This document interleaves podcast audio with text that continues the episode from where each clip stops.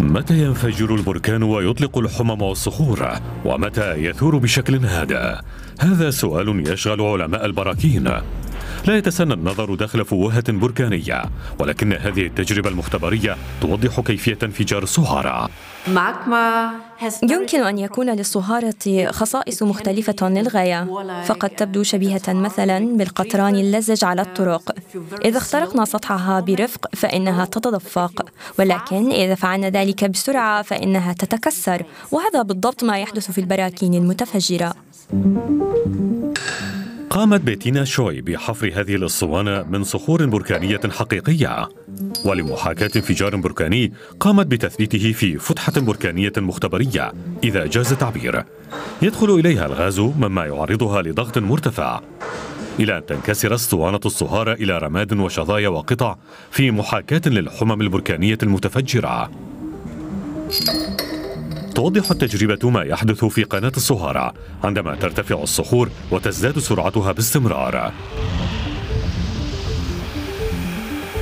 وأيضا كيف تتشكل السحابة فوق البركان؟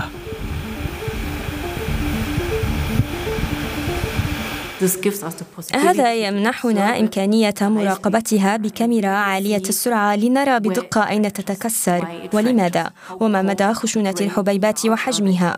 وكيف تتطور؟ وكيف تتشكل السحابة بسبب الثوران والمخذوفات التي يتم إطلاقها من البركان؟ وكيف يمكن أن تكون خطيرة؟ يتشكل البرق أيضا في السحابة البركانية المختبرية عن عمليات تصريف الشحنات بين جزيئات الرماد. ووجد فريق البحث أنه كلما كانت الجزيئات أصغر زاد حدوث البرق.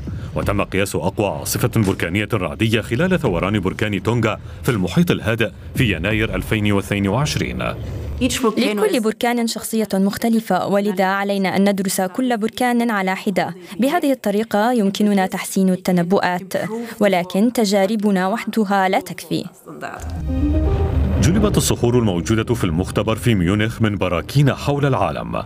ولأن كل بركان ينفث حمما مختلفة تختلف بالتالي الهياكل وأحجام المسام في الصخرة ولأن للبراكين شخصيات مختلفة يختلف أيضا ثورانها.